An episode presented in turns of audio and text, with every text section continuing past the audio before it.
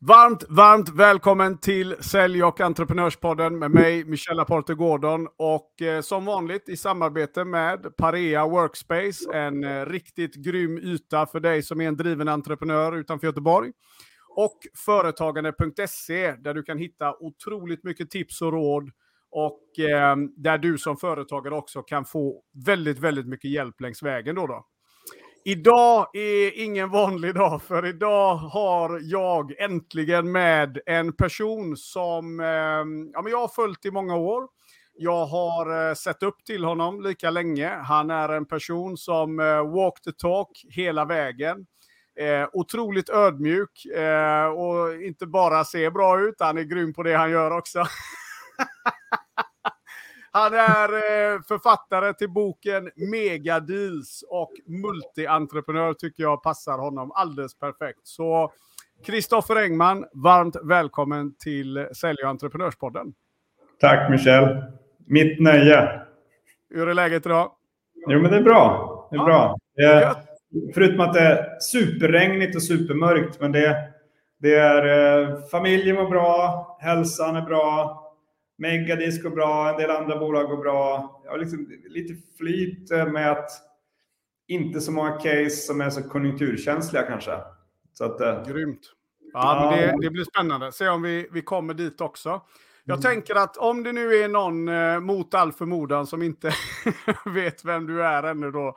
Eh, ja, men lite kort här Kristoffer. Vem, vem, är du och, och vad gör du idag? Född i Luleå, Bor i Stockholm, fyra barn. Eh, varit entreprenör sedan jag var tio år, men jag har också eh, kört akademi, så jag har sex år på universitet. Höll på att bli matematikforskare, har till och med räknat fram var H&M ska placera sina olika lager och gjort prognosmodeller åt Finansdepartementet som finns i bokform. Eh, men sen kände jag att det var för nördigt så att jag gick tillbaka till entreprenörskap. Mm. Några bolag. Världens första SaaS-baserade system för taxi som idag ägs av ett amerikanskt private equity-bolag som sitter i nästan alla, nord, nästan alla nordiska taxibilar. Inklusive Taxi Göteborg. du. ja. Och eh, Retain24 som sköter presentkortstransaktioner i de flesta retailkedjor i Norden ägs också av KKR, en stor amerikansk private equity-fond. Um, ehm, sen så byggde världens första campus marketingbolag, Vendemore, uh, som sedermera såldes till Dun Bradstreet. Och sen har jag efter det både investerat i andra bolag men också byggt ytterligare några bolag och lägger majoriteten av min tid på Megadeals som startade som ett forskningsprojekt, blev en bok, blev föreläsningar, blev workshops, blev konsultuppdrag och numera är mer än något annat ett produktbolag som har på nio månader gått från en till snart 25 miljoner i ARR med kunder i fyra världsdelar, eh, växer väldigt fort, eh, specialiserat på bolag som säljer business to business i vad vi kallar finita marknader, det vill säga där man säljer inte till vem som helst utan man har till exempel en bransch. Man säljer, många av våra kunder säljer till en specifik bransch eller två branscher. Eller man säljer till de största bolagen i en region. Men huvudpoängen är att man, kan inte, man säljer inte till vem som helst. Och då är det vissa regler som är viktiga. Till exempel att ha väldigt hög win rate och väldigt låg burning bridges rate. Vi har till och med uppfunnit ett nytt KPI som heter BBR. Jaha, okej. Okay. Men om du har en finit marknad, säg att den domineras av 30 bolag, sen är det ytterligare 50 som är stor procent av den volymen.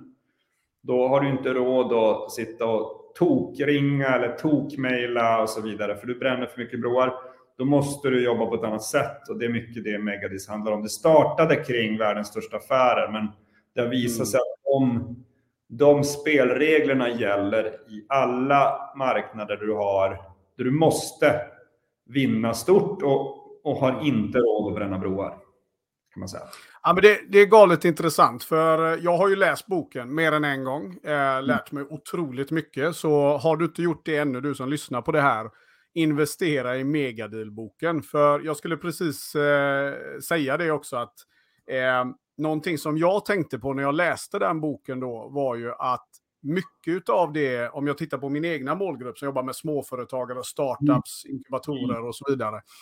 Eh, jag kände ju liksom att wow, jag kan plocka hur mycket som helst här. Jo, men det är eh, att, det som är tillämpbart. Kul det menar Ja, men exakt.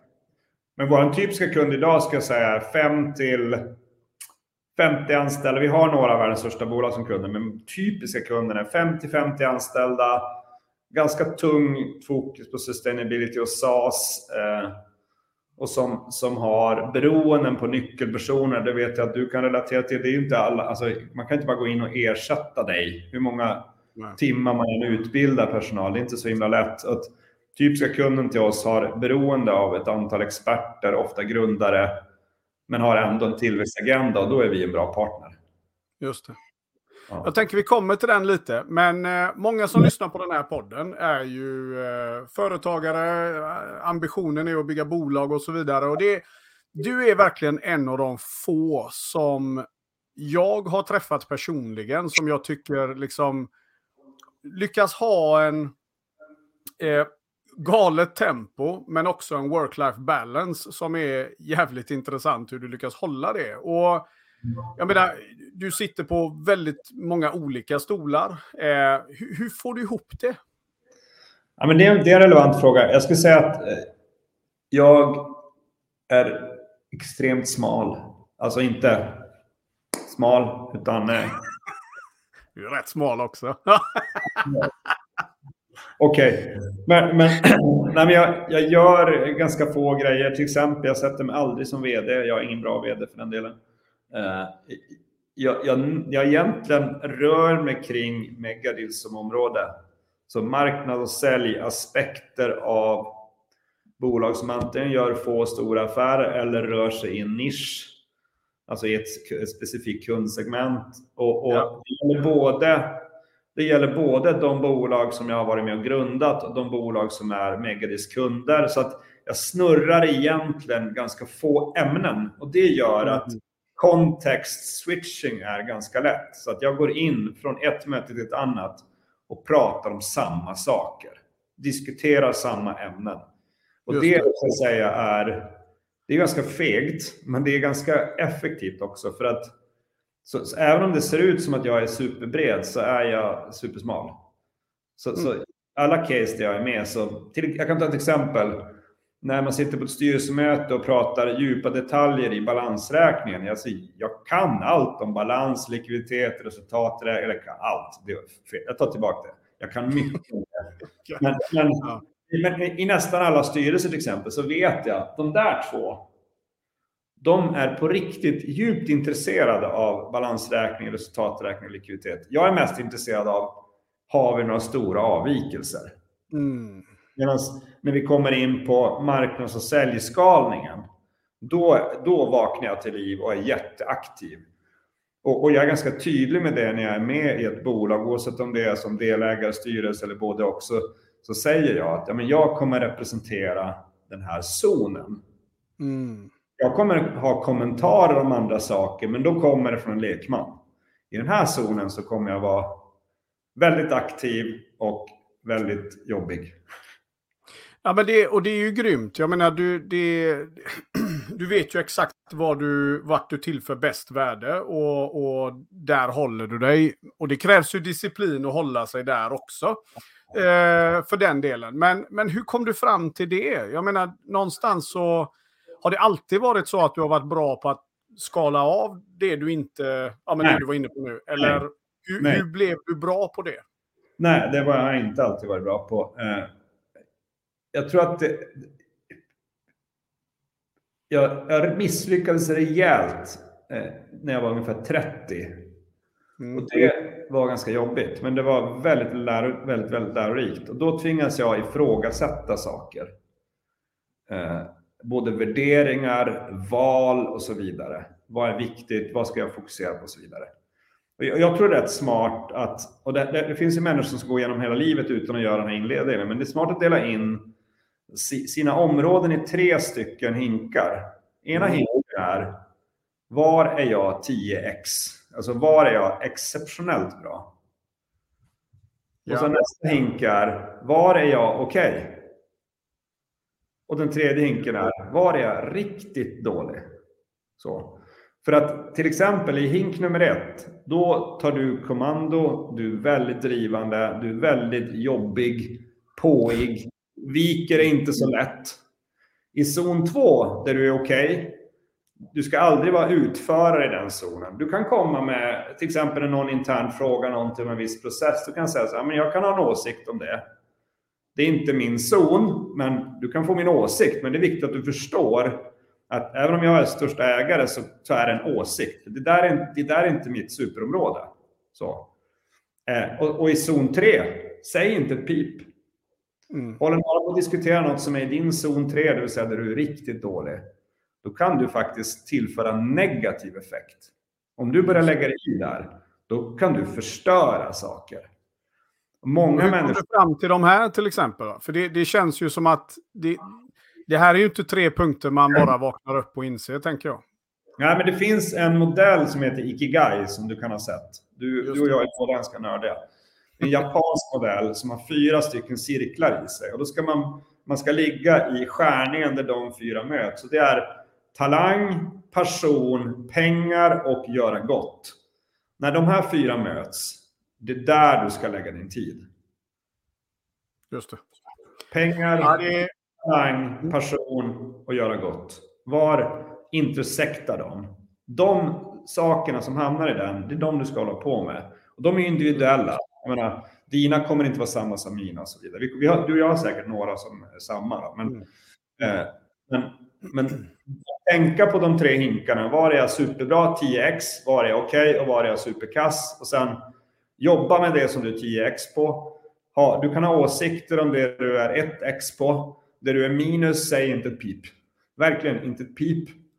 Och sen att tänka på Ikigai-modellen. Det, det, är två ganska enkla modeller. Den ena här skapar själv, den andra är, ja, den är känd, Ikigai. Hur håller du dig? För jag menar, blir du aldrig sugen? Eh, alltså, man kan ju veta att man inte är bra på det, men ändå vilja säga någonting. Eh, har, har, du liksom... Hur blev du bra på att hålla tyst?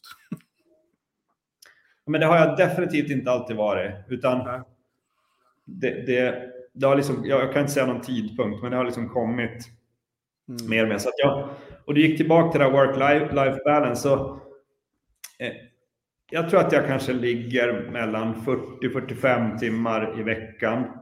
Men det jag vill säga till de yngre som lyssnar, yes. det ska ni inte göra. Jag, ska, jag kommer tillbaka till de 40-45. Första tio, första tio åren i din karriär måste du göra dryck. Du måste ladda timmar, person och jobba så in i bänken. Mm. Eh, för du behöver göra dryck. Och det vet ju du som tränar mycket.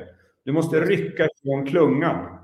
För om du rycker ifrån klungan i din åldersgrupp så kommer du få första king på allt som är lönsamt, spännande, roligt. För de frågar inte klungan, de frågar de som sticker ut. Du kommer få chanser. Det gör att du resten av livet ligger... För det, det, till, till slut blir det en självuppfyllande profetia. Det blir som ett svart hål, det blir en gravitation. För när du tidigt fick de bästa chanserna och förvaltade dem, så kommer du fortsätta att få det. Det är nästan helt omöjligt för klungan att vakna till liv när de är 35 och då börja jobba i kapp. Det är nästan helt omöjligt. Men tillbaka till, till work-life balance. Så jag tror att Skälet till att jag kan göra ganska mycket på kontrollerad mängd tid, det är att jag är ganska stringent med de tre hinkarna, med Ikigai och så vidare. Så att jag, och, verkligen, och det är många gånger jag försöker tygla med. Sen har jag en till livsregel som har gjort mitt liv mycket skönare.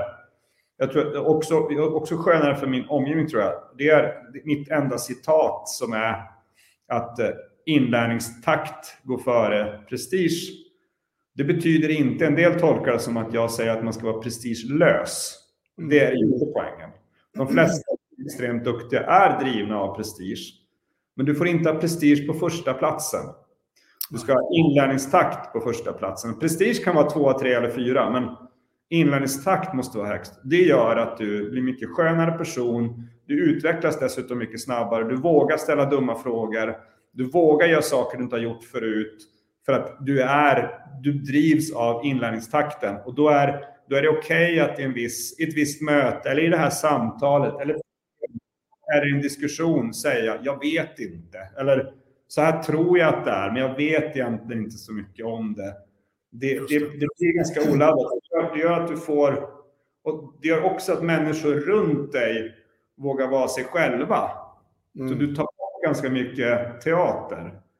Och då får du, du blir mer effektiv, din omgivning blir mer effektiv och din kurva blir mycket brantare. Så du känner ju garanterat till the compound effect. Så att om du, om du varje år lär dig 3% snabbare än de andra. När du kör ränta på ränta efter 20 år, jag vet inte vad det är i huvudet, men det är säkert, då är du 57 procent. Obs! Mm. Gissar, jag, inte, jag, jag, kan inte räkna det i huvudet. Men du kanske är 57 procent bättre än klungan då. Och bara genom att eh, vara... Så du sitter i ett möte, det, det här är en ganska klassisk grej, framförallt på storbolag, så sitter du i ett möte och så säger pratar de om någonting som du inte helt förstår, då sitter du så här, ja, mm, ja. Så ska du så här låtsas fatta.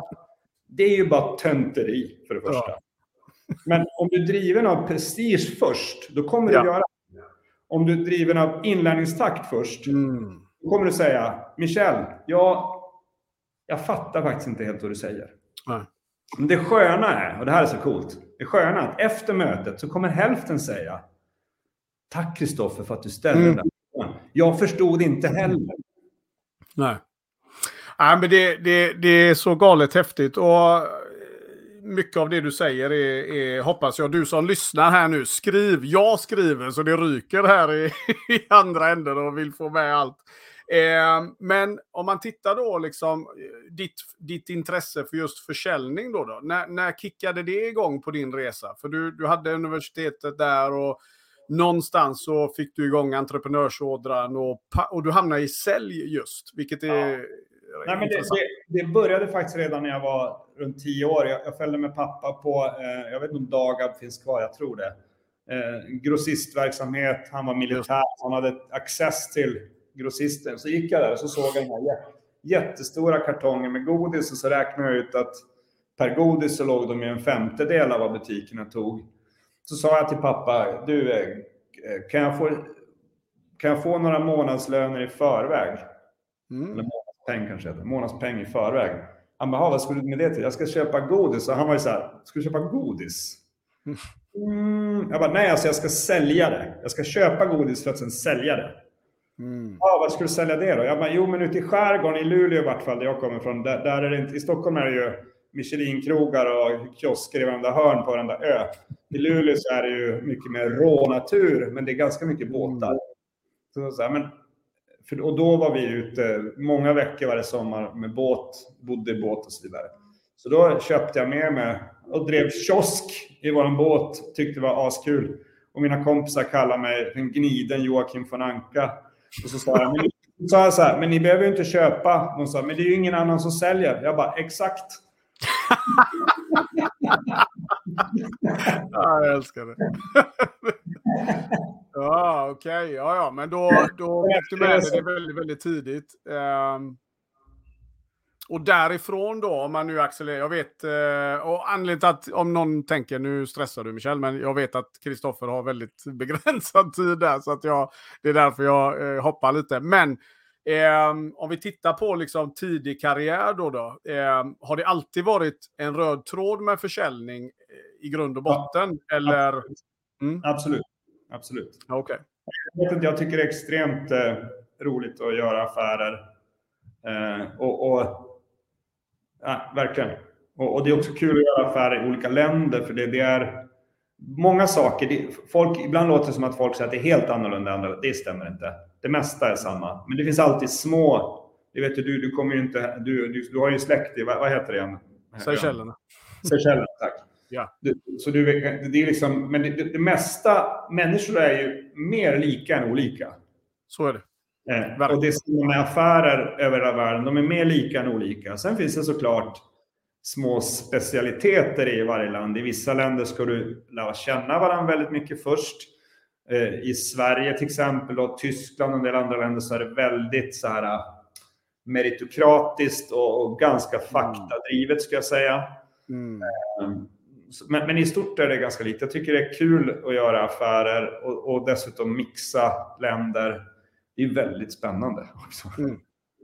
Eh, Vad, om, om man tittar nu då, för jag menar du, du, du har ju otrolig bredd i din försäljning. Eh, det är någonting jag har tänkt på tidigare. Att eh, du har en, en bred, väldigt, väldigt bred förståelse kring säljprocesser överlag och så. Och läser man megadeal så får man ju en, en hint av det på mång, i många kapitel. Då, då. Om, vi, om vi hoppar rätt in i megadeal-boken lite, för jag tycker ändå det om det är någonting jag hoppas folk gör efter det här, det är att de, eh, att de investerar i den här. För det, det, finns så mycket i den. Finns på så en flik där. Ja. Jag lägger den i, eh, i beskrivningen till avsnittet, så ni kan bara ja. hitta den där också. Den blir Men... billigare på vår sajt än på Amazon och så vidare. Alltså, ja. ja, det är klart. De ska ju ha sin commission. Men du, vad, vad, vad, föran, vad ledde till att du skrev, att ni, att ni gjorde den här boken, Megadeals? Ja, men det, det, det, kom från att, så, så, under tio års tid så drev jag världens första campus marketing produktbolag där vi hade som flaskhals att eh, lägga ganska mycket tänk kring hur hjälper vi Accenture att vinna den här affären den här stora banken och så vidare. Mm. Eh, och, i, och efter att ha gjort det i tio år och flera gånger i veckan så till slut har man sett ganska mycket. Eh, och med ganska många bolag och i flera världsdelar. Och, och eh, i alla de här mötena så till slut började jag fråga folk vad läser ni för litteratur som beskriver den här typen av affärer? Svaret var alltid utan undantag. Det finns inga böcker som beskriver våra typer av affärer. Mm. Och då och till slut så började jag anteckna mer och mer för att när du sitter med de här strategiska taktiska forumen inför en viss stor affär eller en viss upphandling och så vidare så till slut så har du ju tagit ganska mycket anteckningar. Just då, då, då började saker till slut kristallisera. Så jag började föreläsa och kalla det bara på kul. Jag tyckte det lät lite häftigt. Bara megadeals. Så jag bara mm. hade ett slide deck som heter megadeals. Så står det så här, the golden nuggets from the biggest deals in the world. Eh, och då var ju det mest ett hopplock av observationer. Jag, menar, jag tror att till och med du fick se en tidig version av den. Ja, men jag, ja, när du säger det så får jag mm. flashbacks. Ja. Men sen så kände jag, men istället för att det här bara ska bli mina observationer så låt oss göra det lite mera scientific. Och då eh, tog jag med mig både kompis Johan och sen så tog jag med mig en, en forskare. Så vi tre byggde en liten taskforce och, och, och letade rätt på motsvarigheterna till Lionel Messi och liknande från Eh, de, de som konsekvent gör stora affärer, både från allt från Lockheed Martin, SAP, eh, Tata, Siemens, HP, eh, IBM, bla bla bla. Och, och, vi försökte hitta de här tre, fyra till fem stycken superstjärnor som alla de bolagen har. Och de är inte hundratals superstjärnor, de är få. Mm. Eh, och, så, och så har vi liksom djupstuderat dem, intervjuat dem och så och, och det var mest för att det, det fanns ingen bok om det och jag kände bara så här, men det kan omöjligt vara någon i hela världen som har sett fler, inte nödvändigtvis har bättre koll, för det kan jag inte påstå. Men det kan omöjligt vara någon i världen som har sett fler sådana här situationer än jag. Eftersom jag hade gjort det under tio års tid och suttit med i de här forumen hela, hela tiden. Mm. Och, och, vi fick liksom access till de stora bolagens största affärer och då fick vi också access till deras superstjärnor. Just det. Ja. När du intervjuade det här gänget, vad skulle du säga stack ut då, då? Om du skulle få plocka fram tre saker som liksom top of mind dyker upp när du tänker tillbaka på det här. Vad, vad, vad, vad var det för tre liksom, ahaer som du skulle liksom, ta med som sen hamnar i boken menar jag?